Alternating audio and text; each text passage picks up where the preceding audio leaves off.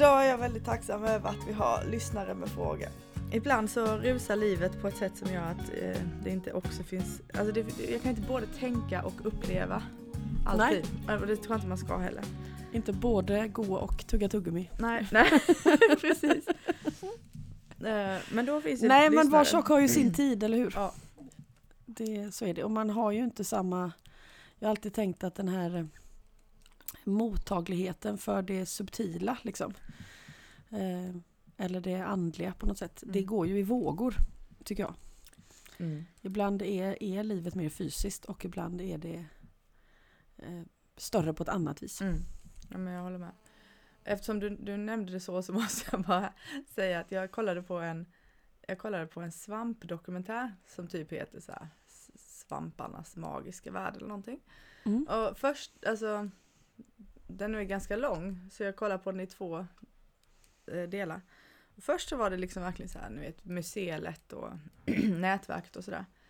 Så kollade jag igår kväll och då, det andra halvan av handlade mest om eh, den psykedeliska effekten i vissa svampar. Mm. Och eh, ja men det var, det var faktiskt lite spännande. Jag vet vi har talat ja. om det innan att liksom eh, verkligheten är liksom, vi vill gärna uppleva den som den är och inte förvränga det. Mm. Men det finns en hypotes om att när människor på det här, eller människor, jag, jag har glömt vilken tid det här var, mm. tog sig liksom ner från träden ut på steppen och följde de stora däggdjuren. Eh, mm. Så följde de ju liksom bajshögarna och i bajshögarna så växer det ju svamp. Och mm. bland annat då en, en psykedelisk svamp. Mm. Och det, tydligen är det så att människans hjärna utvecklades eh, väldigt snabbt, alltså ur ett evolutionärt perspektiv, evolutionärt perspektiv var det extremt snabbt. Alltså det är som att jag tror att hjärnan eh, ökade sin storlek med tre gånger under två miljoner år. Vilket är Oj, helt ja. så rasande fort. Det, det ska, ja, det, det ska det liksom inte gå. Man, nej, det är som att man ska kunna se det från ja. generation till generation. Ja, precis. Och då menar de att de här miljoner tripparna mm. under miljoner år ändå då, eh, alltså att, att, att det skulle kunna vara en del i förklaringen till att, eh, att de där mutationerna eller i alla fall plasticiteten eller vad det nu var kunde ske. Mm. Och det var sådär bara, ah, spännande. Alltså för svampar är ju ett helt eget, en, ett helt eget rike, inte djur, inte växter. Eller hur? Finns det... överallt. Vi har pratat om museet innan. Jag tänkte på att om man kunde liksom hitta något slags så här gömd svamp eh, så här, som en del av skogen som bara består. Ett svampkungarike så hade det varit spännande att ha en kurshelg med svampar. Alltså grejen men, är att de finns Men de är ju liksom utspridda på ett sätt som gör att eh, jag vet inte hur, hur, hur, logistiken kring en sån helg skulle se ut. Men jag tror vi kan göra det, mm. helt ärligt. Mm. Därför att vi, fruktkropparna, alltså själva svampsvampen, det är ju det, vi, mm. på svenska har vi ju inte olika ord riktigt. Nej, nej just det. Men mm. mycelen finns ju överallt, alltså vi går ja. ju på det ständigt. Så, Exakt. Så det, ja, alltså vi ska nog inte hänga upp oss på på själva svampen liksom. nej. Om nej. vi inte vill trippa då. det kanske, nej. Inte, kanske vi inte riktigt har kunskapen för att göra. Nej jag, jag, tänker på eh, Fanny har ju nämnt det, nu ska man inte koppla ihop saker som inte nödvändigtvis hör ihop men men vissa andliga kulturer som inbegriper eh, liksom, eh, infallsvinklar av shamanism. Mm. Det är också, där ja. finns ju också den här och hon eh, menar att det är ett, ett andligt uttryck som inte kan tas ur sitt sammanhang. Mm. Alltså vissa, vissa andliga eh, traditioner kan man ju praktisera hemma i sitt hus. Det spelar ingen roll vart jag är född mm. eller mm. var den är född som, som eh, delade den här läran. Men att shamanism, det finns inte en shaman utan, en, utan ett samhälle kring. Liksom. Att just Nej. den traditionen är väldigt svår att eh, lyfta ur sitt sammanhang och, och, och ändå behålla essensen på något sätt. Mm och därför trevligt. tänker jag att av den anledningen skulle vi kanske välja att inte göra det då. Mm. För att vi inte, inte har den traditionen i ryggmärgen. Mm. Men vi kan ju ändå fascineras av svampen. Ja, det, det är nog rimligt mm. att göra det faktiskt eftersom att mm. vi, alltså svampen kommer nog vara här när människan har dött ut kan man nog säga. Och, mm. eh, och, men, och det finns också en, en symbios oss emellan redan nu. Um, så absolut. Sen eh, i den här filmen så nämnde de just som en, en eh, replik där på Fannys tanke också att alltså just svamp i, inom den schamanska traditionen har ju på många sätt använts innan det i alla fall var en religion. Det handlade om, Mm. det handlar liksom om individens direkta kontakt med mysteriet helt enkelt. Mm. Alltså det, det Ja, sen tänker jag att det som vanligt handlar om intentionen. absolut. Att eh, det finns det, det droganvändandet som handlar om flykt. Ja. Och i det samhället som vi har utformat just nu så ju, har ju behovet av flykt ökat. Mm. Eh, och eh, utan en, en större helhetsupplevelse så kan man inte heller riktigt se problemet med det. Varför inte ha lite kul på fredagskvällen när jag är ledig? Liksom? Mm. Man kan inte säga något om det. Eh, om man inte har en, vad ska man säga, då får man ju ha en, en åsiktsbaserad moral där. Då, Mm. kanske. Mm. Nej men det är två olika men, saker. eh, Men det är två väldigt olika saker. Mm. Eller om jag ser på den här individen som en, en hjälp Mm. till, eh, till en större verklighet. På riktigt, Mm. inte bara som en, eh, som en slogan. Liksom. Nej precis. Och definitivt, nej precis, det är, ingen, det är liksom ingen partydrog utan det krävs lite det kanske som Fanny är inne på där. Att, Mm. att det krävs förberedelse, det är liksom inte någonting bara som man gör Nej, eh, och du, lite sådär på, på chans. nej, och de som har gått vägen innan då Mm. och, och kan navigera. precis, det här. Precis. För det är ju det som händer när man börjar att släppa taget. Att eh, även om vi har pratat så mycket om det stora vänliga och att allt i slutändan blir som det ska och sådär. Så är det ju också att vägen där, vägen innehåller ju illusion, eh, självbedrägeri eh, och, eh, och till och med att du kan förlora förståndet. Mm. Och, och det är Mm. inte ett skämt liksom. Det, det är på riktigt. precis. Eh, Så, så det är inte bara en lek. Liksom. Bara för att vi också kan luta oss mot en slags tillit till att i slutändan vill det oss väl. Det tar ska inte ta bort den respekten. För ja, det finns sidospår i, i det mänskliga psyket som man ska ha väldigt stor respekt för. Absolut, och det, kan, det är ju väl igen det här att, att den där linjen emellan är så tunn. Menar, Mm, den, är, den är otroligt tunn. Och ibland är det ju så att det är också på den linjen som öppningarna finns. Mm. Det är på den där väldigt, väldigt hårfina gränsen. mm, Eh, Och det är väl där de... eh, Har man en människa som lärare så är det kanske där den här läraren ska vara då. Jag tänker på sufismen där man använder mycket mantra liksom. Och Mm. där, eh, där läraren eller centrumpersonen liksom, med mer erfarenhet har en förmåga att se men nu ska du stoppa här. mm, Eller fortsätt lite till där. Mm. Eller eh, att någon ser var man befinner sig. mm, Eh, Så att man, man har det stödet och inte gör det ryckt ur sitt sammanhang eller ensam på det sättet. Liksom. mm. Mm. Eh, Det här var, det var egentligen ett sidospår. Men ganska Ja, spännande. men, det, ja, ja, men det, det är spännande för Mm. att det är också alla de här eh, osynliga dörrarna som finns. Mm. Ja, Liksom. och, Det, är ju, det är ju jätteintressant såklart. och det är klart, tar man en svamp, alltså om man tänker på fruktkroppen då, då har, den har liksom kapaciteten att ehm, öppna medvetandet, vara mat eller ta koll på en. Alltså Mm. så menar, det, är ju, det är ju alla extremer i ett liksom. Ja, och de ligger ju då så, som sagt då, så himla nära varandra. Ja. Och man blir ju jättenyfiken på svampen som person, tänker jag. Alltså dels blir man ju nyfiken på var personen finns. Mm. Eh, för att om man tänker sig att ja, men varje svamp kanske inte är en person. Det skulle vara som att säga att alla blommor på en skälk är en person. Mm. Men det kanske det är. Mm. eh, hur stor är liksom den här, Alltså det stora svamptrollet under jorden? Liksom hur, vem är det jag talar med egentligen? Man blir fruktansvärt nyfiken. Jag tror, alltså vi har ju varit inne på detta innan och jag tror egentligen Mm. att, att svårigheten just ligger i det. Alltså Mm. att bara försöka få till mötet kanske i sig utvidga medvetandet därför att att det är ett sånt nätverk liksom. Mm. Jag, kan, jag Mm. kan inte, precis, jag kan inte boxa Jag in det här. Jag kan inte Nej, förstå det liksom. Det, det måste upplevas på något vis. Jag kommunicerar kanske mer med en rörelse än med en avgränsad, vad vi skulle säga, en person. Vi är Ja. ju vana att kommunicera med en person. Ja. Eh, Och vi kan liksom till, till, sen, det är svårt att vänja sig vid att kommunicera med någon som inte har ögon och mun och nervsystem och så. Men även ett träd är ju en... Ja, den är ju lång och den har en krona och den har rötter och det, vi är fortfarande med där. ja. Men nu ska vi förbi det då. Och så, och så ska vi liksom Mm. till någonting Mm. egentligen då som också har väldigt stark symbios med just träd. Mm. Alltså det är ju den här förgrenings... eh, Det har säkert Mm. något tjusigt matematiskt namn som jag inte kommer på nu. Mm. Alltså en, en, det förgrenas och Ja. förgrenas och förgrenas och förgrenas. Ja liksom. just det. Mm. Fraktaler kanske? Ja, ja Det kanske. är i alla fall ett tjusigt Mm. matematiskt namn. det. Vi tar ett snyggt ord och kastar in i leken. Du var ändå en matteprofessor, lärde han en han inte lära dig också Alltså jag, de nej jag var ju bara fyra år. Ja, jo, men du fick med dig Ja, lite fem annat då. Ja det fick jag. Men kanske inte just orden. Nej.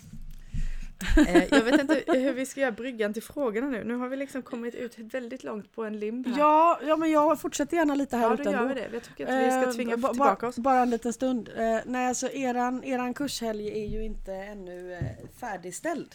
Eh, den innehåller ju en, en del som handlar om läkande också för att, eh, för att Ronja som står för det hela eh, Eh, hon eh, stå, står med en li- mycket liten flock eh, på Tågeröd där det har huggts i skogen och körts genom hagar och det har eh, liksom eh, skett skador helt enkelt. Och hon har, eh, marken har bett om en ganska liten grupp för den klarar inte ett hårt tryck. Eh, men den måste också få ett möte med, med ett betande djur. Så därför är hon där med sin lilla grupp.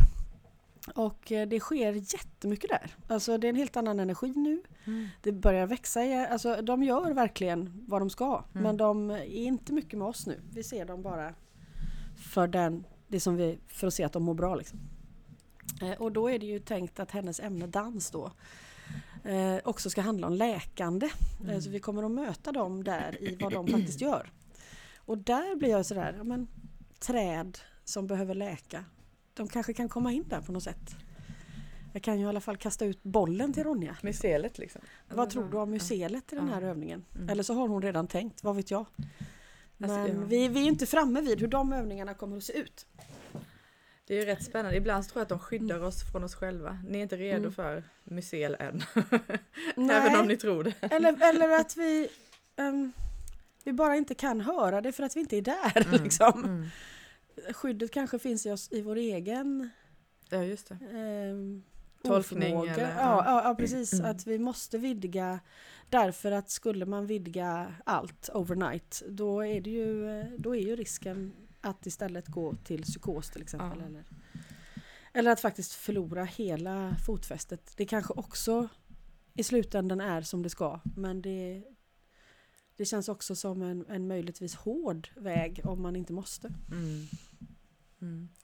Alltså, ja men det är ju ändå spännande. Vi har ju bearbetat den här, det här ämnet ett tag ändå på något vis. Eh, ja. Ja, och det blir ju en helt annan, det är något helt annat nu. För nu är det ju kommunikation med kropp. Nu är det ju den här, det här är ju inte huvudet nu som hon är inne på. Just det. Utan nu är det ju att uppfatta genom kropp. Mm. Och det kanske är en annan ingång till någonting som är så abstrakt för vår hjärna. Vad vet man? Nu blir jag sjukt nyfiken. Ja, Mm. Är det två veckor kvar? Kommer jag klara detta? En och en halv. En och en Mm. halv, ja. Mm, bra. Men det blir också liksom faktisk kropp. Alltså, alltså att ta i med kropp till exempel. Mm, Är mm. också med. Precis som att man liksom går till medvetandets gräns, att man också prövar kroppens. Liksom. Mm. Mm. Och, vad, och vad hittar man där? Mm. Så det kan ju vara både konkret och inte. Ja, det är ja, väldigt annorlunda måste jag säga. Ja, Man men blir sjukt nyfiken. det, jag tänker ibland på den här utbildningen under de här, vad nu är, fyra åren. Att det är också, alltså det, det är ingen häst som har så här väldigt tydliga eh, raka övningar med eh, roller längre till exempel. Eh, Nej. Om inte de kommer tillbaka i en ny, ytterligare en. Förstår du? ja precis, jag, det är inte det att jag Ja. utesluter Mm. det, jag bara liksom eh, Men jag har tänkt på det. Ja. Mm. Eh, det, det, det, det är ju mer och mer abstrakt samtidigt Mm. som det, precis som du säger, egentligen också är mer och mer konkret. Mm. Alltså det är liksom tillbaka i kroppen och sådär. Men Mm. det är inte så mycket eh, definitioner av saker Nej, och ting det, kanske? det, det, är, det är väldigt lite ord. Ja. Alltså jag har tänkt att det sista har ju varit väldigt lite eh, förklaringar eller samtal. Samtalen består ju av frågestunder då. Mm. Men, men det, det är ju inte, det är väldigt lite teori får man säga. Mm. Det är bara så vitt att man får med sig en övning ut ur det och sen får man stå där. Ja men det är det ju lite för, för de Mm. gångerna som, som någon liksom vill Ja men vad säger du egentligen när det har övningen? Ja jag Mm. vet inte, tolka lite själv och gå ut liksom. Det är ju så. Mm, mm. Det är väldigt spännande. Och, och ja, det är ju någonting i det i att lägga tillbaka.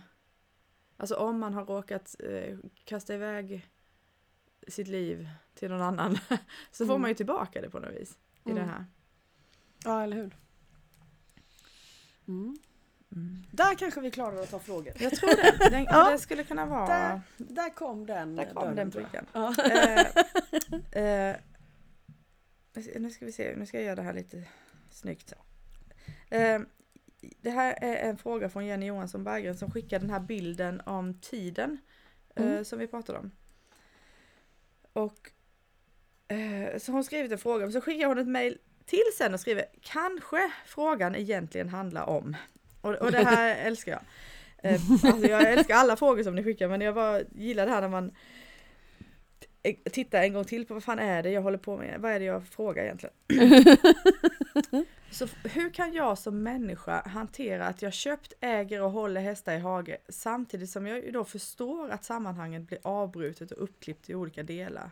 Att det Mm. finns mer rymd än vad som erbjuds i den traditionella svenska hästnormen. Mm.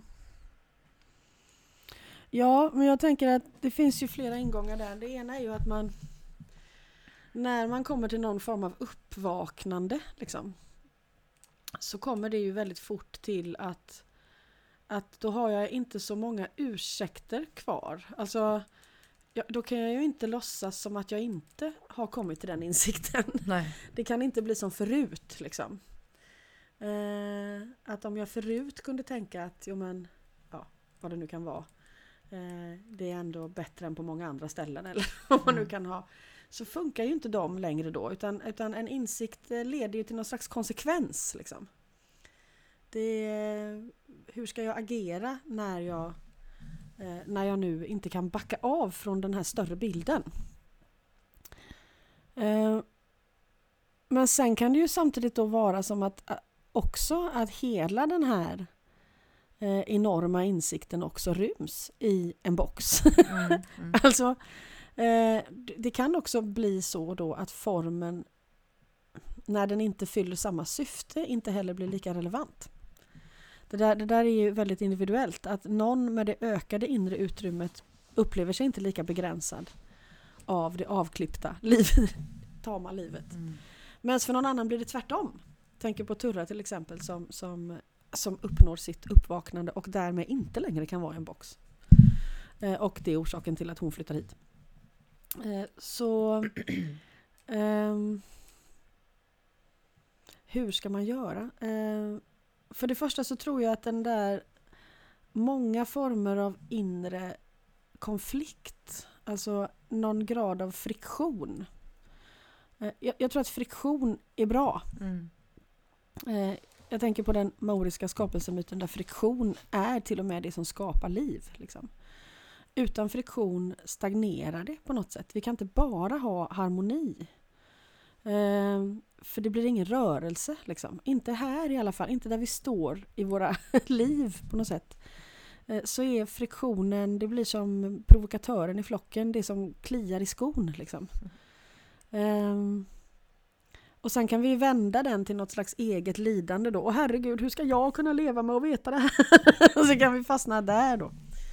Eh, men, men frågan är ju egentligen vad, vad kan jag göra för att, för att ut, bidra till att ditt utrymme kan expandera liksom?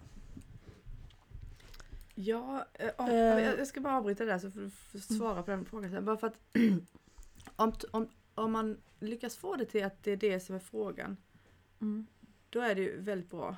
Eller Ah, vilken härlig värdering. Jag är bara inne på att Jag är inne på att om problemet egentligen handlar om vem jag Alltså tillbaka till vilka, vad är jag för individ om, alltså om det mm. Ibland så handlar ju det här om mig själv. Mm. Och det, det får det också göra, det är ju en del i resan liksom. Men, men det kan ju bli så um, Alltså det, det är nästan ett större problem för mig att jag är en person som har ett djur inhägnat mm. än vad det kanske är för djuret som ändå har en stor inhägnad mm. eller vad det nu är. Det kan ju vara, det kan ju slå åt båda håll, alltså det kan verkligen vara vilket som där. Mm. Och, och, och, jag tänker ofta eh, i, i min roll och med allt det här som sker eh, i samtal med djur och utbildningar. Och, att det känns ju mer och mer, alltså att hålla tamdjur känns ju som någon slags övergående period i mänsklighetens historia. Mm. Alltså om samexistens till slut ska eh, är, är, vägen som gör liksom fortsatt liv möjligt för oss. I slutänden. Nu talar vi om ett stort perspektiv såklart. Eh, men, och det kräver en, en, en fullständig jämlikhet och eh, en omedelbar förståelse. Då, då försvinner ju också behovet av att, att hålla någon i ett snöre. Mm. Det, det upphör ju någonstans i den processen. Och skulle vi som art gå mer och mer mot det, då skulle vi också till slut få ett samhälle där, där andra umgängesformer kommer att uppstå. Än, än jag måste se till att mina hästar inte springer till grannen och därför måste jag sätta upp ett staket. Mm. Som jag tänker att staketen handlar om för oss som bor så här långt ut på landet till exempel. Mm. Eh, att, att i, en, i en kultur där vi inte längre äger våra djur så skulle det ju inte, skulle det inte vara så längre. Utan då skulle vi umgås med andra arter i vår närhet som vi väljer att umgås med mutual consent, andra människor. Liksom. Och då, så, jag, jag tänker att den, den enda rimliga tanken är att, att äga andra individer. Det, någon gång måste vi upphöra med det om mm. vi ska kunna nå samexistens. Mm. Det kommer att liksom falla bort i den processen. Men, men där är vi ju inte nu. Eh, nu är vi ju i att liksom praktisera samexistens. Eh, och försöka skapa den här frivilligheten i de relationerna vi har runt oss. Det är där vi kan öva liksom. Uh, och, och, den radikala lösningen av att plocka bort staketen och se vad som händer kanske inte gagnar den processen av samexistens. Uh, för att det, vi behöver gå till töjgränsen av vårt eget samhälle för att ta förändringen inifrån. Mm. Uh, men att sträva mot det kommer ju ändå att öka utrymmet i relationen. Sen kan man ju ändå komma fram till att nej men jag kan kanske inte ha något, några tama djur mer. Jag får kanske sluta med det och endast ägna mig åt att kommunicera med vilda djur. Det kanske jag kommer komma fram till en dag, det vet inte jag. Mm. Det, nu bor alla de här djuren här och, och det får de ju fortsätta göra så länge de lever. men, men, kommer hela mitt liv att se ut så? Mm. Eh, med, med djur som, som vi ansvarar för på det här sättet som vi med så här många tämjda djur? Det, det, jag, jag vet inte det. Frågan är öppen för mig. Mm. Ja, det, för det är ju lite mm. så. Nu står man ju i den här verkligheten. Nu, nu mm. För jag är ju också, man är ju där. Det, den frågan kommer ju ofta.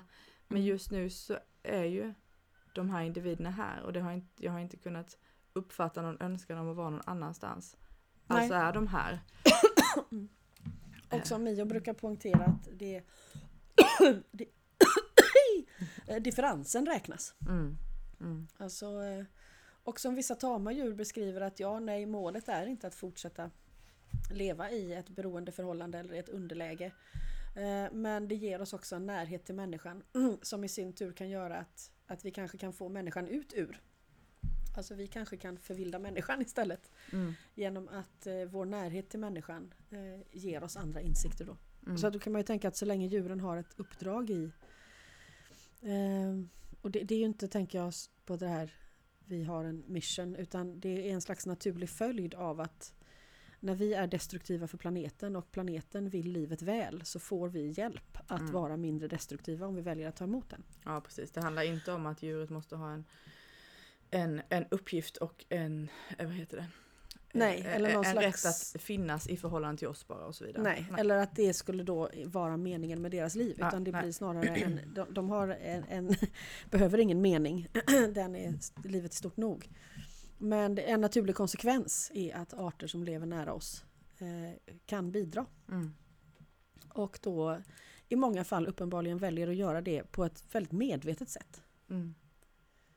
Vi, så det är inte bara att vi automatiskt mår bra av att vara i naturen för att det finns en balans där utan det finns också en medvetenhet från naturens sida i det mötet. Mm. Vare sig vi uppfattar det eller inte. Mm. Vi, vi, får hjälp för att vi behöver det. Ja. Mm. Eh, och, då, och då kan man ju säga att formen då för att, att hålla de här individerna nära oss eh, har uppenbarligen sina begränsningar och känns inte, inte långsiktig. Men, men, eh, men den kanske fyller sin funktion där vi, där vi står nu. Mm. Eh, jag lyssnade också på ett sommarprat av Alexandri Antonelli, han är professor i eh, biologisk mångfald. Mm. vi har pratat om det här med hållbarhet nu när du sa långsiktig. Vi har pratat om hållbarhet kontra regenerativitet. Och, men han, han gav den bästa um, definitionen på hållbarhet som jag hört, som är så självklar. Men han sa om, om vi inte kan hålla på med någonting i all evighet, då är det inte hållbart. Mm. Nej men det är sant. det är sant och det är så jäkla tydligt då. Det är ganska lätt att liksom använda ja. det och titta på det man gör och säga, jaha, kan jag hålla på med det här i all evighet? Mm. Förmodligen inte, eller eventuellt, ja. Mm. Um, men jag, jag, tror vi ska backa till Jennys um, ursprungliga fråga för då får vi det lite mer uh, konkret också. uh, för jag tror att vi behöver både um, de här övergripande och uh, de konkreta. Mm. frågan är om försvar och vrede. Mm. I en hage gissar jag att försvar och vrede blir en mer lågintensiv känsla. Jag upplever dock att hästar med nära till försvar och vrede har behov av att uttrycka även de känslorna. Mm, men, men, hur behöver en häst med mycket stolthet i att försvara få utlopp för den känslan, uppgiften, personligheten? Och hur kan, denna tillfreds, hur, hur kan detta tillfredsställas i en skyddad hage? Mm. Ja, hur kan hästar tillåtas få utlopp för sina styrkor i relation till människor? Mm. Det, där, det, där, är ju någonting som dyker upp i, i mitt jobb skulle jag säga. Mycket. Mm.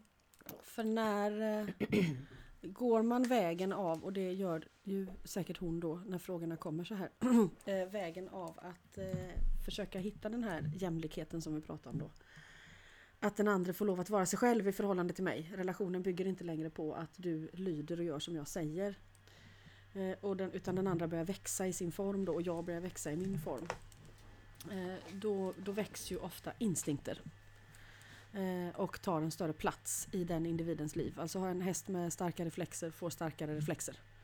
Eh, en häst med, med ett behov av att, av att försvara och skydda kommer att, som hon också beskriver där, att i eh, stoltheten som den rollen ofta innebär kommer att bli mer markant. Mm.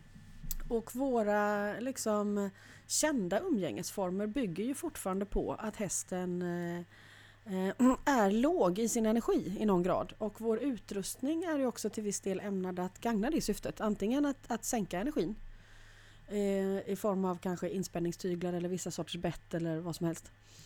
Eh, och, eh, och det är det vi kan. Även om det inte är det vi vill så är det liksom ja, vad kan man göra när man är kompis med en människa? Man kan gå och fika, man kan gå på bio. Vad kan man göra ihop med en häst liksom? Det, våra tävlingsformer bygger ju också på eh, en, ändå ett visst mått av underkastelse. Sen kan man jobba i den formen och leverera någonting annat. Det kan man. Eh, och det är väl det man får göra då. eh, och, och, då kan man ju säga så här att en häst med nyväckt styrka eh, i form av just kanske raseri eller råkraft. De här ligger väldigt nära varandra. Tycker jag. Um, alla övningar måste ju inte bestå av att jag står i vägen där.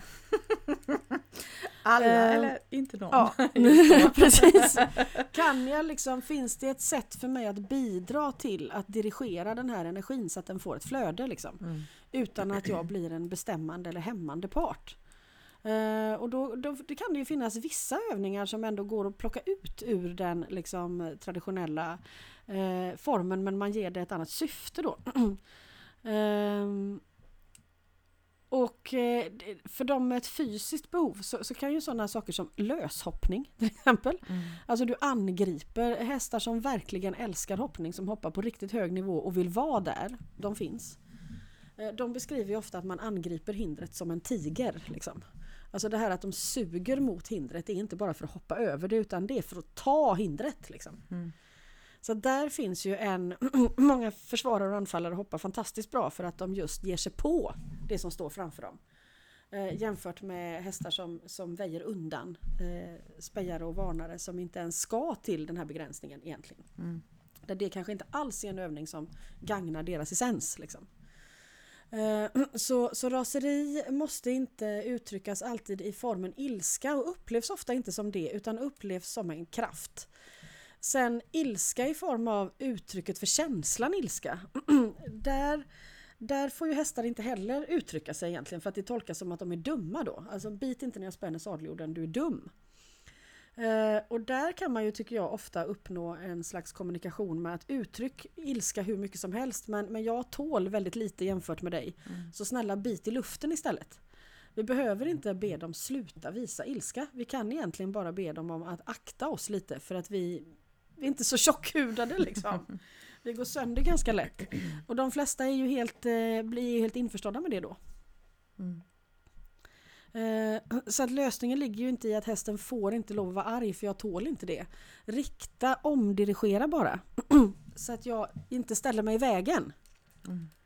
Eh, Och där får vi igen vår traditionella roll av att tala om för hästen vad den ska göra.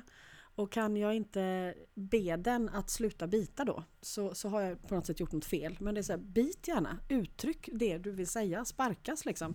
Om jag sätter en akupunkturnål på en häst så vill jag ju att den ska uttrycka upplevelsen av det annars får jag ju ett hämmat flöde i behandlingen. Mm. Det är, bara, det är tacksamt om jag inte blir sparkad själv men det kommer jag ju bli. Någonstans måste vi också lite grann acceptera att det är klart att vi vill minimera skador och så. Men, men ska jag umgås ett helt liv med hästar så kommer jag ju att få en del smällar. Mm. Är jag inte beredd till det alls då, då kanske jag, jag ska välja något, någon annan form. Mm. Någon annan art.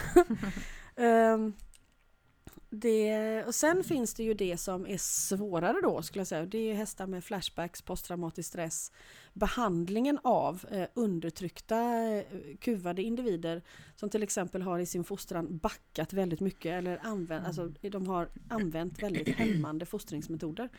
När det vänder så behöver ju ofta allt det här undertryckta ut.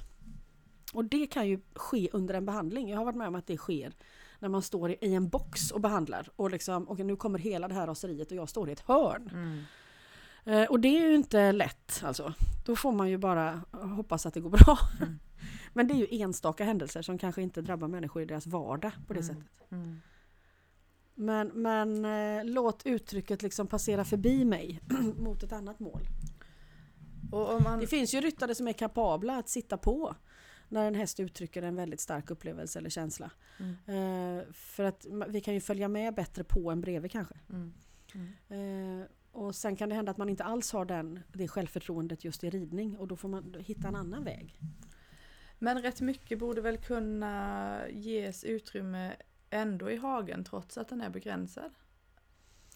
Ja, Eller i relation till andra hästar? ja, ja, det skulle den kunna göra. Men det bygger ju på att de andra hästarna har en slags vakenhet och medvetenhet i mötandet. Om en häst vaknar i detta och de andra är i någon slags avstängdhet så skulle ju den möjligheten kanske vara begränsad. Mm. Och den kanske är begränsad ännu mer för att människorna kring de här hästarna Mm. inte fixar. Och då kan ju hästen behöva någon form av möte i att, att istället, istället använda sin vakenhet i ett större perspektiv då. Mm. Att se om inte, om inte den faktiska marken erbjuder den utmaningen så kanske man kan ta den en, lite mer åt det andliga hållet då. Mm. Vad är det som händer här egentligen? Hur skulle jag kunna bidra till den här platsen i ett större perspektiv då? Mm. Mm. Kan den här stoltheten appliceras på att jag, att jag ser och förstår de som lever här utifrån ett, en, en annan infallsvinkel? Och skulle det kunna ge ett utlopp för det karaktärsdraget? Spännande. Mm. Ja det finns alltid utrymme någonstans. Mm. Kanske, eller det kanske det inte alltid gör men det kanske oftast finns det om man tittar där Mm. man inte är van att titta. Hmm. Vi har ju de två islänningarna här hemma som, som slåss eh, ganska drastiskt. Mm. Ehm, och jag, det- alltså jag, det är ju många år sedan jag frågar vad håller ni på med, varför? Och de bara varför är ni så rädda för kraften liksom? Mm, precis. Och det jag tror det, det tog mig nog till förra veckan innan jag på riktigt kunde acceptera det och inte säga till dem att sluta. Mm. Och då stod de här ute och matade på varandra och så sprang Santos och Glimra runt, runt, runt, Mm. runt. Och det var liksom ett skådespel i ja, säkert mellan fem och tio minuter. Mm. Och för första gången så kunde jag vara där och uppleva det och inte oja mig liksom. Mm. Eh, Så det finns ju eh, som du säger, när den ena växer växer kanske också den andra oftast. Ja, precis. Ehm, och sen är det klart att har man väldigt få hästar så får man ju ha lite tur och träff då. Att den andra eh, faktiskt kan möta då Mm, mm, i hela spektrat. Jag, jag träffar konstellationer där det fungerar. mm, Eh, Jag träffar också konstellationer där det fattas bitar. Och då är det så här, men kan man lägga in det? Skulle jag kunna klättra i en riktigt svår backe då? Skulle jag, hur, hur, vad, vad, vad kan jag hitta för utmaning där kraft får vara med? Liksom? Mm. Det att, att ta sig an terräng kan ge det för någon individ till exempel. Det är ju väldigt, eh, Mm. väldigt konstruktivt för det, det kanske man inte Mm. direkt hade tänkt på när man tänker att man ska få uttryck för ilska och vrede sådär. Mm. Ja, men att man får gripa sig an någonting i ett fysiskt möte. Liksom. Mm. Och sen är det ju att vi eh, vi vill så gärna skydda dem ifrån skador och det, det är klart att man vill och, och det, det ska vi också till viss del. Men kanske inte på bekostnad av att vi inte får använda, att de inte får använda sin kropp. Liksom. Nej för det brukar väl bli skada Mm. av det i, för, i förlängningen. Ja, Alltså- det blir det. Och läkningen på de skadorna som kommer av att man har hämmat i hela kroppens eh, närvaro på något sätt Mm. eh, är ju, eh, det ser ut på ett helt annat sätt Mm. än eh, en kraftfull individ som får en, en smäll och en eh, lårkaka och behöver vänta ut den. Liksom. Mm. Så vi, ja, vi kan, vi... Det är igen, det är vår roll i förhållande till, alltså att, att äga djur då, för det är ju det vi gör då. Att eh, hur mycket, var ligger mitt ansvar liksom? Ligger det i att, att skydda dem ifrån allt? Så att de får leva så smärtfritt som möjligt. Till viss del kommer det ju handla om det. Men, men det räcker ju inte hela vägen fram. Liksom. Och då kommer vi till frågan här, men då kanske det handlar om att att jag har någon slags eh, ansvar i att ge dem möjligheten att uttrycka sig. Det kommer ju hela tiden att, att behovet av att kunna uttrycka den man är, alltså att Mm. den som är på insidan behöver kunna återspeglas i utsidan. Får vi inte den möjligheten så kommer det att skapas ohälsa. Liksom Mm. eh, psykisk och fysisk och själslig. Eh, och då blir ju vår roll eh, ganska tydlig där tycker jag. Att i den mån vi kan och med de medel vi har runt oss är försöka skapa det utrymmet. Mm. Ja, det där. Och, Mm. och finns det då inte i hagen till exempel, så nej, då kanske det är på en promenad med en backe. Eller, Ja, eller och det kanske också är så att i- begränsningen finns inne i mig. Alltså att min Mm. bild av mitt ansvar i förhållande till den här individen blir väldigt hämmande. Mm. För att jag kanske är för rädd om den här personen. Mm. Eller har en alldeles för stark riktad förväntan i vad som ska ske här i den här relationen. Vi ska träna dressyr, det är så. Mm. Och, och jag kan ju träffa individer som i, i väldigt traditionella former, liksom, i ett vanligt inackorderingsstall med ett träningspass i ett ridhus, kan skapa det utrymmet. Eh, Men då finns, det, då, då finns den möjligheten i personen. Här Mm. tänker jag på ett eh, kraftfullt sto eh, Daphne. Mm. finns många, men hon är ett riktigt eh, paradexempel. Eh, som eh, liksom eh, armbågar ut sitt utrymme och eh, därmed också ger exempel till andra hästar och visar mycket raseri. Eh, och där kan det vara så att hon har bevittnat någonting i stallet där hon står som går emot hennes natur och den drabbade hästens natur. Ibland också ur människans perspektiv. Och då behöver hon få utlopp för den känslan. Och då, hon har en, en ryttare med eh, kapacitet eh, att, att möta detta från ryggen. Eh, så hon sitter på när då den här hästen gör enorma liksom, bakutsparkar, flyger omkring med bakåtstrukna öron och eh, tar ut den här känslan. Eh, Och hämtar upp den här kraften som hon sen då använder i det som hon vill öva på under det ridpasset. Mm. Eh, som ofta kan leda till eh, fina fattningar med precision eller vändningar på ett sätt som ja, den här hästen upplever ju en stor frihet i att kunna bemästra sin kropp och ta den dit hon vill. Så det är en dressyrhäst. Mm. Eh, men inte kanske så som vi vanligtvis tänker oss idén kring dressyr. Det här är ju Mm. mera, det här är en konstnär som inte vill att någonting ska stå i vägen för det kreativa uttrycket. Det är svårt Och med när pro- programridning då. Ja, eh, ja, om de inte får det utrymmet de behöver i uppvärmningen skulle det vara svårt. Mhm. Annars skulle det kanske inte vara så svårt. Mm. Eh, men, men där är ju ilskan, där ger vi den ett utrymme. De som tittar på får backa av. Man står inte i mitten och ger det, det träningspasset. Det, då är man dum. Eh, ibland kan det vara lämpligt att ha ett hinder på plats för då kan hon också använda eh, sitt, sitt uttryck mot, mot de här liksom utplacerade sakerna. Eh, och sen är det färdigt. Vi diskuterar möjligtvis ämnet ibland eh, och sen eh, gör hon det hon vill med samma kraft. Fast nu eh, riktad mot det, hennes längtan då. Mm. Eh, och det här, allt det här sker i vad vi vanligtvis skulle säga är en ganska normal stallmiljö då. Mm. På tal om att det går att Mm. utmejsla ett Ja. utrymme, Mm. en möjlighet i Mm. nästan allt. Sen Mm. finns det ju en frustration i att, att, att eh, klart hade hon inte haft det så hade hon inte behövt göra så här. Då hade hon Mm. kunnat börja i friheten hela tiden. Och det kanske blir så till slut, eh, att hon växer ur den formen. Mm. Men eh, det inspirerar ju också andra individer såklart. Och skrämmer vissa. Mm. Mm. Det är svårt att dela ridhuset med ett annat ekipage, det måste vi säga. Men utöver det, och det är ju många träningar där man inte delar ridhuset med ett annat ekipage. Det är ju Mm. inte bara för henne liksom. Nej. Så, men där skulle man ju säga att, att ilskan blir väldigt konstruktiv. Ja, spännande. Eller ja, och Så- också, det är liksom på något vis det,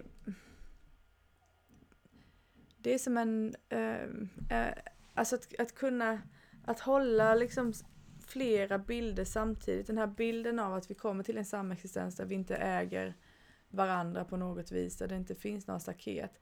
Den bilden finns samtidigt som det finns, det här är vår verklighet just nu. Hur, Mm, hur precis. ökar vi utrymmet i den så mycket som möjligt? Mm. just nu. Alltså, allt det där. Jag, jag tror inte att det ena kanske nödvändigtvis kan finnas utan det andra. Alltså det är svårt att precis. uttrycka, Mm. utöka utrymmet i nuet om man inte har en idé om ja, varför kanske höll jag på att säga, eller vad, vad som ändå kan vara möjligt i ett större Ja, och- perspektiv eller Precis, och jag, jag tänker att den här, den här längtan den kan ju vara väldigt diffus. Alltså jag tänker på mig själv när jag var liten. Alltså nu tänker jag på vår underliggande längtan eller dragning mot samexistens. mm. Att när jag var liten och red eh, på en ridskola som var förfärlig.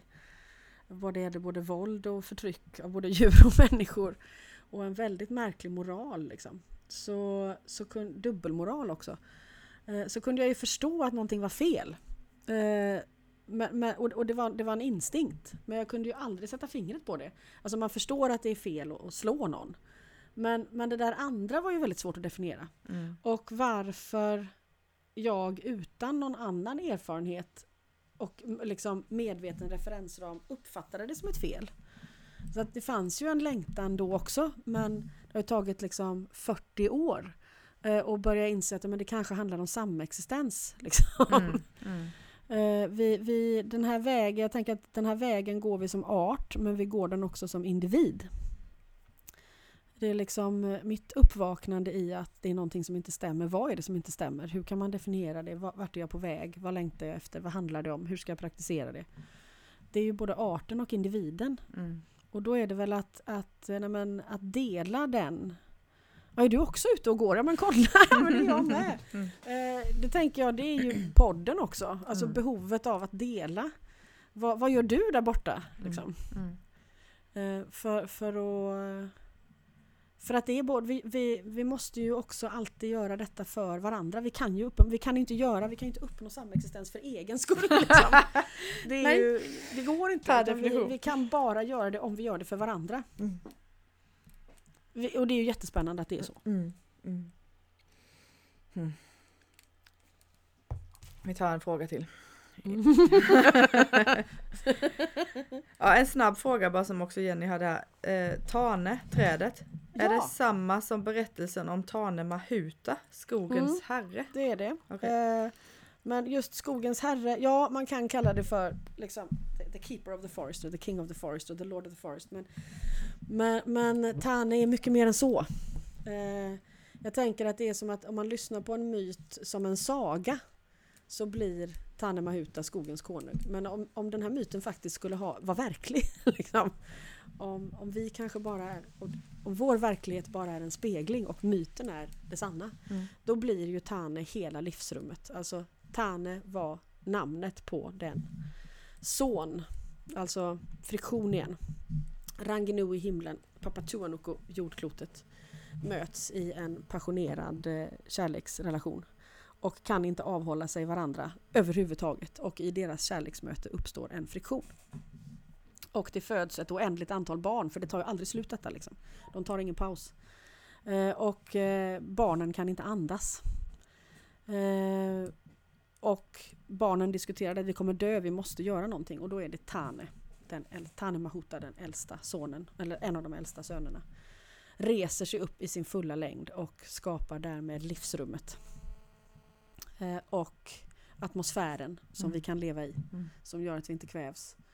Eh, så att Tane är ju också alla träd såklart. Eh, I någon, men också trädet. Mm. Och länken, det som separerar himmel och jord och det som för samman himmel och jord. Så vi har igen Foxys, inga träd, inga människor. Mm. Eh, det är Tane. Så vi vänder oss ju liksom både till trädet, det, det trädet vi har framför oss. Tane, urträdet liksom. Och principen. Eh, den, den, den, som, den som bänder isär himmel och jord. Och där får vi också en ständig längtan då. eh, mell- mellan de här, mellan Ranginui och Papatuanuku som, som kommer att eh, påverka våra liv. Därför att eh, vi lever i deras längtan. Mm. Vi lever för att de inte kan närma sig varandra. Men vi kan också utgöra länken mellan dem. Vi kan, vi kan också i vår andliga väg så kan vi sammanföra den här principen inom oss själva.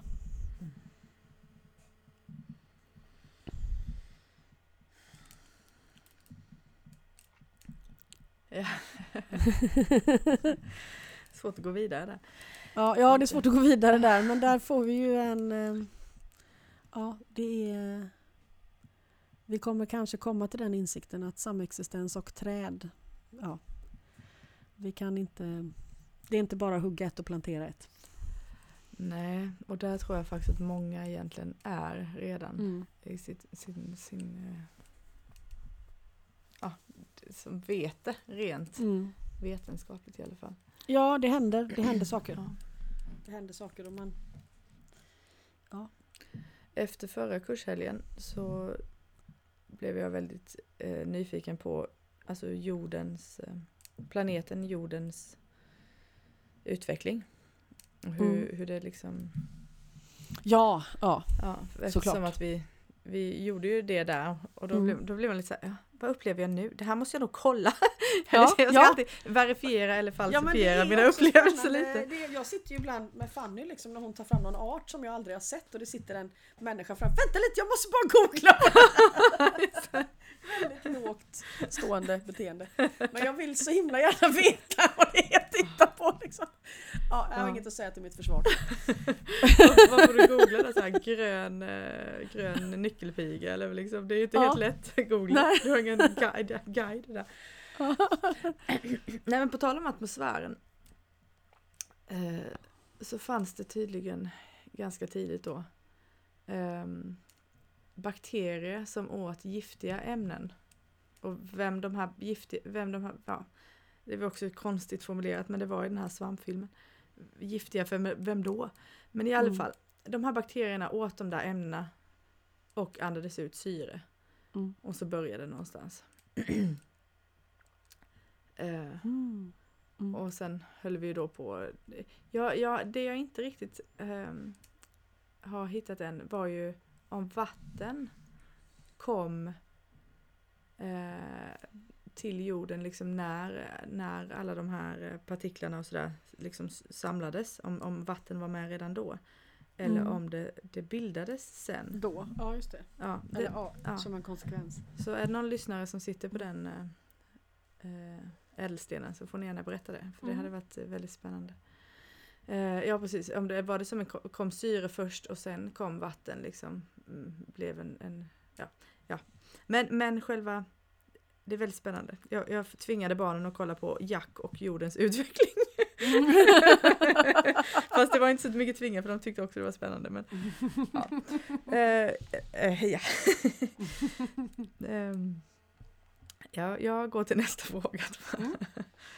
Eh, för vi, nu är vi lite på det här praktiska igen. om hästarnas skötsel.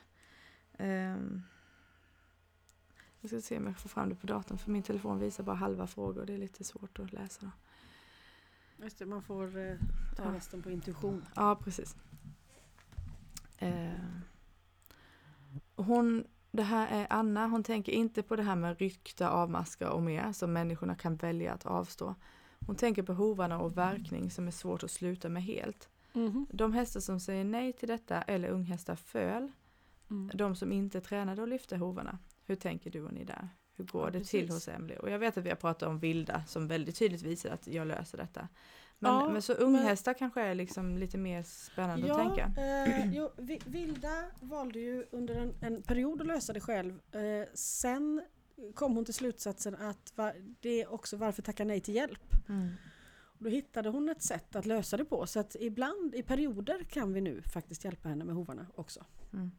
Ehm, så, men, men jag tänker så här, att, eh, att bli lyft i ett ben Alltså vi säger att, att, att verka sig själv skulle ju bygga på att jag rör mig väldigt mycket på förhållandevis fast mark.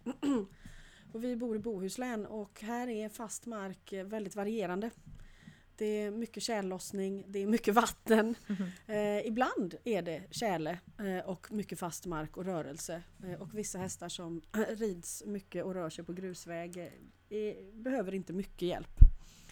Men, men, eh, men att bli fångad i ett ben eh, är ju det som oftast händer om man blir fångad av ett rovdjur och dör. Mm. Så att för en unghäst att bli fångad i ett ben Eh, det kommer ju väcka en automatisk försvarsinstinkt.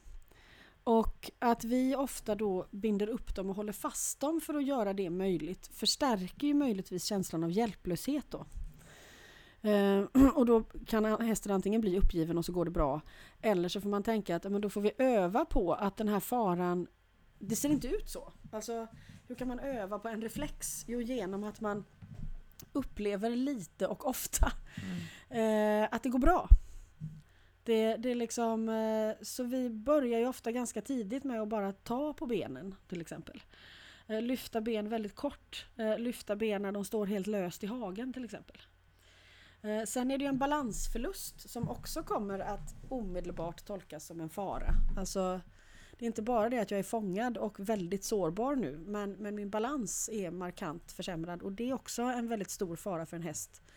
Eh, jämfört med en hund till exempel som kanske inte alls har sin överlevnad så hundraprocentigt knuten till balans som en häst som är ett flyktdjur.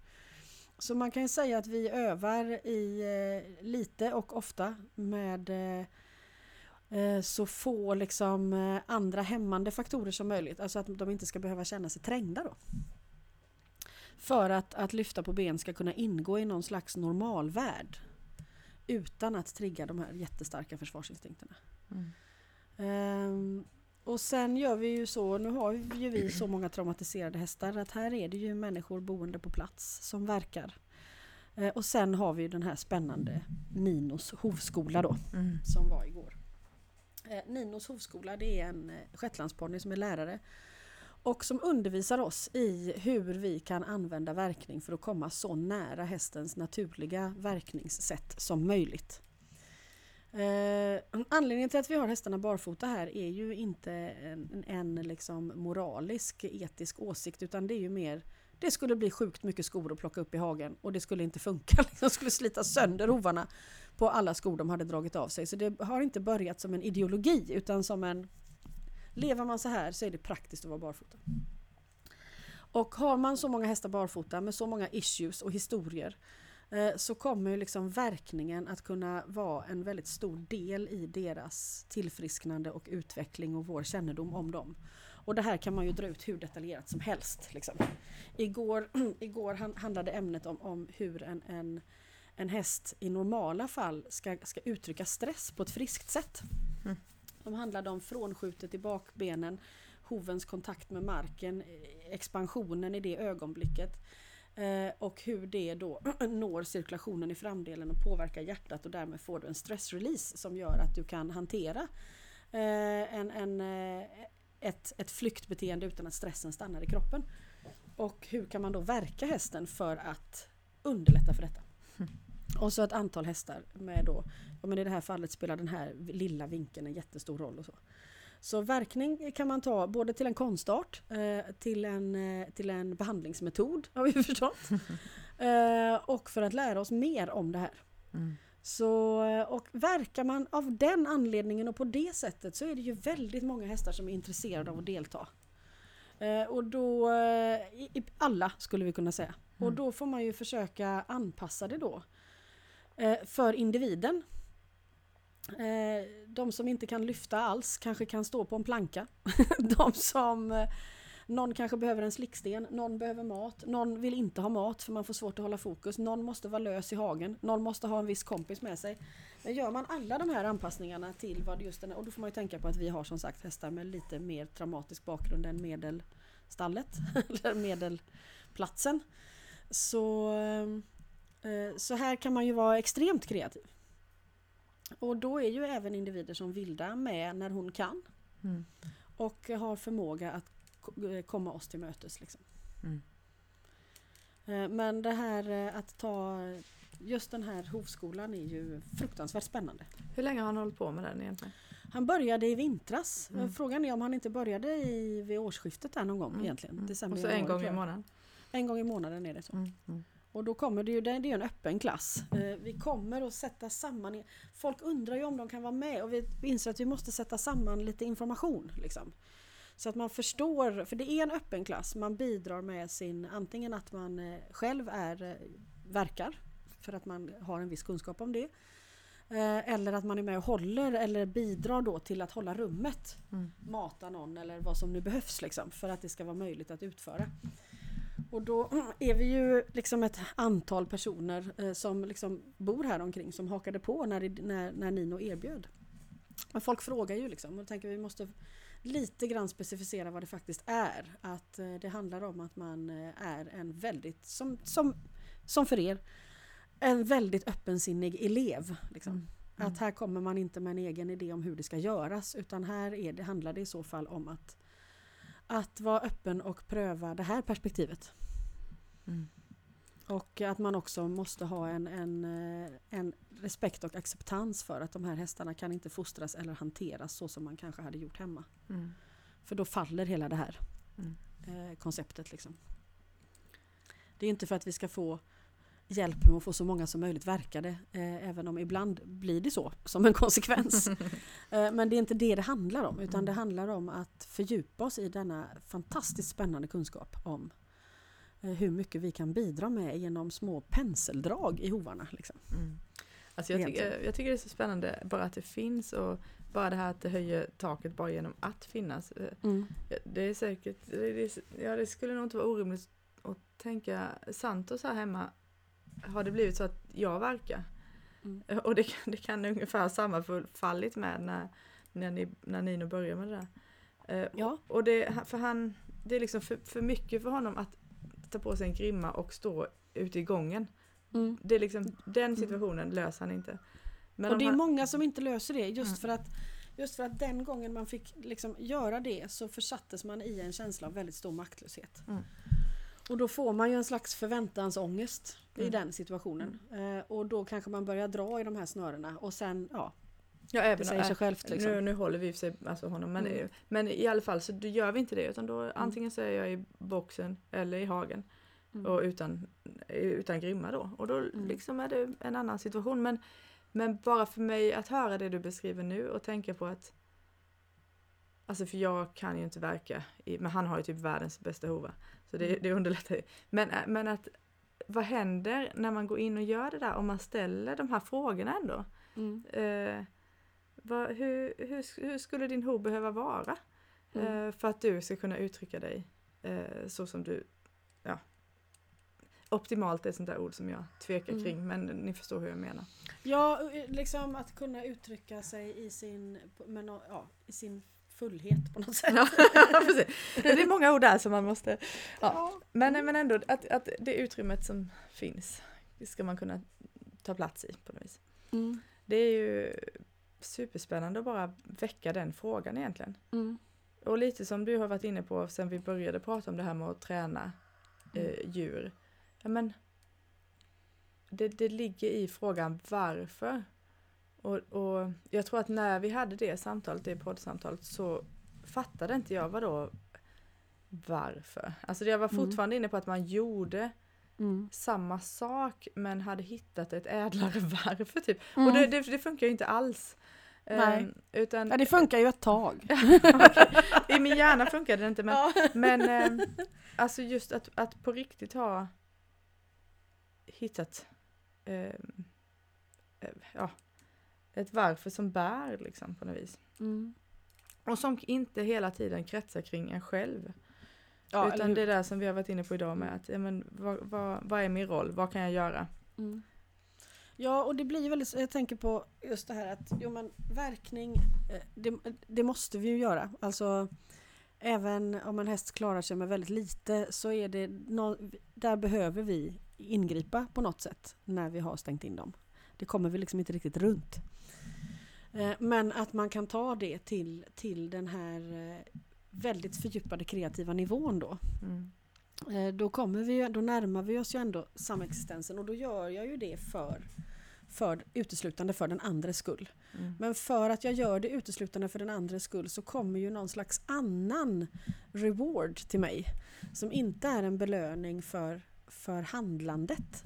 liksom. Mm. Mm. Det är inte att jag gör detta och då får jag det här i betalning. Utan det är ju en eh, slags eh, sinnesnärvaro eller upplevelse som blir belöningen på det. Mm.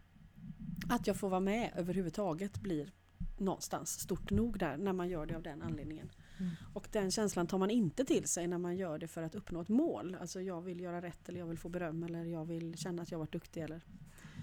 Eh, det, den feedbacken som kommer på det, det lilla, jag tänker de jordanska hästarna som säger tjänar du ett större syfte eller tjänar du alltet?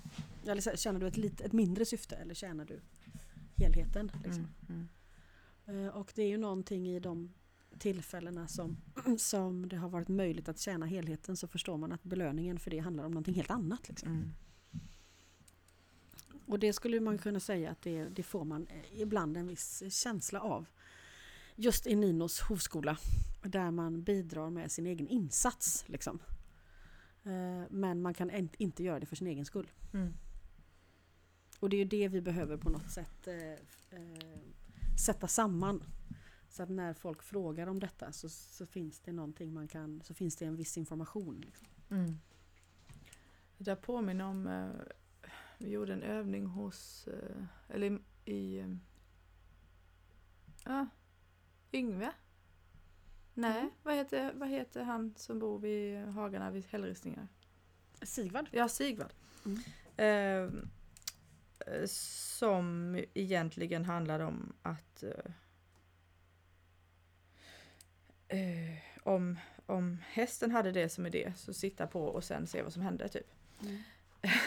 så kommer jag ihåg vi pratade lite snabbt om att tänk om människan bara hade nöjt sig med det här.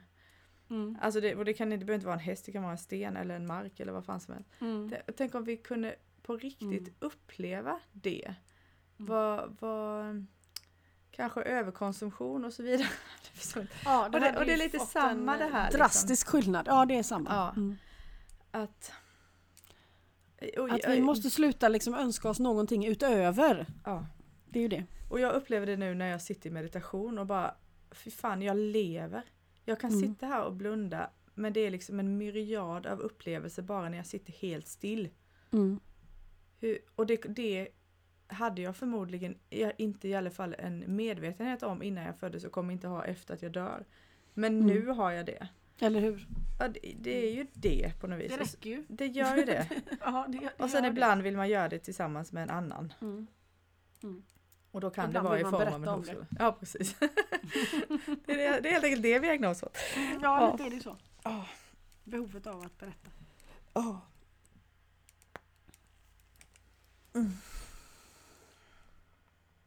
Mm. Högt och lågt idag höll jag på att säga. Ja. I alla fall hit och dit. Precis. Ja. Eh, Hit, hit och dit. Mm. Men vi kanske är... Ja, kanske landade där. Mm. Ja, det Mm. gjorde nog det. Får tacka för idag då. Ja, det får vi göra. Tack. Gör vi. Tack.